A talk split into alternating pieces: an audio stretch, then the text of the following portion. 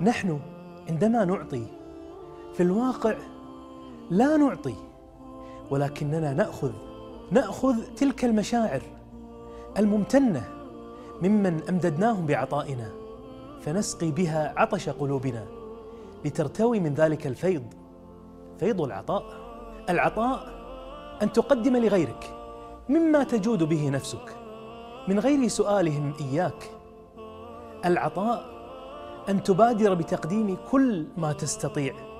لمن تحب ولمن لا تحب لتعطيه رسائل مباشرة وغير مباشرة بين الحين والآخر لتقول له أنا معك. العطاء أن لا تعيش لأجل نفسك فقط.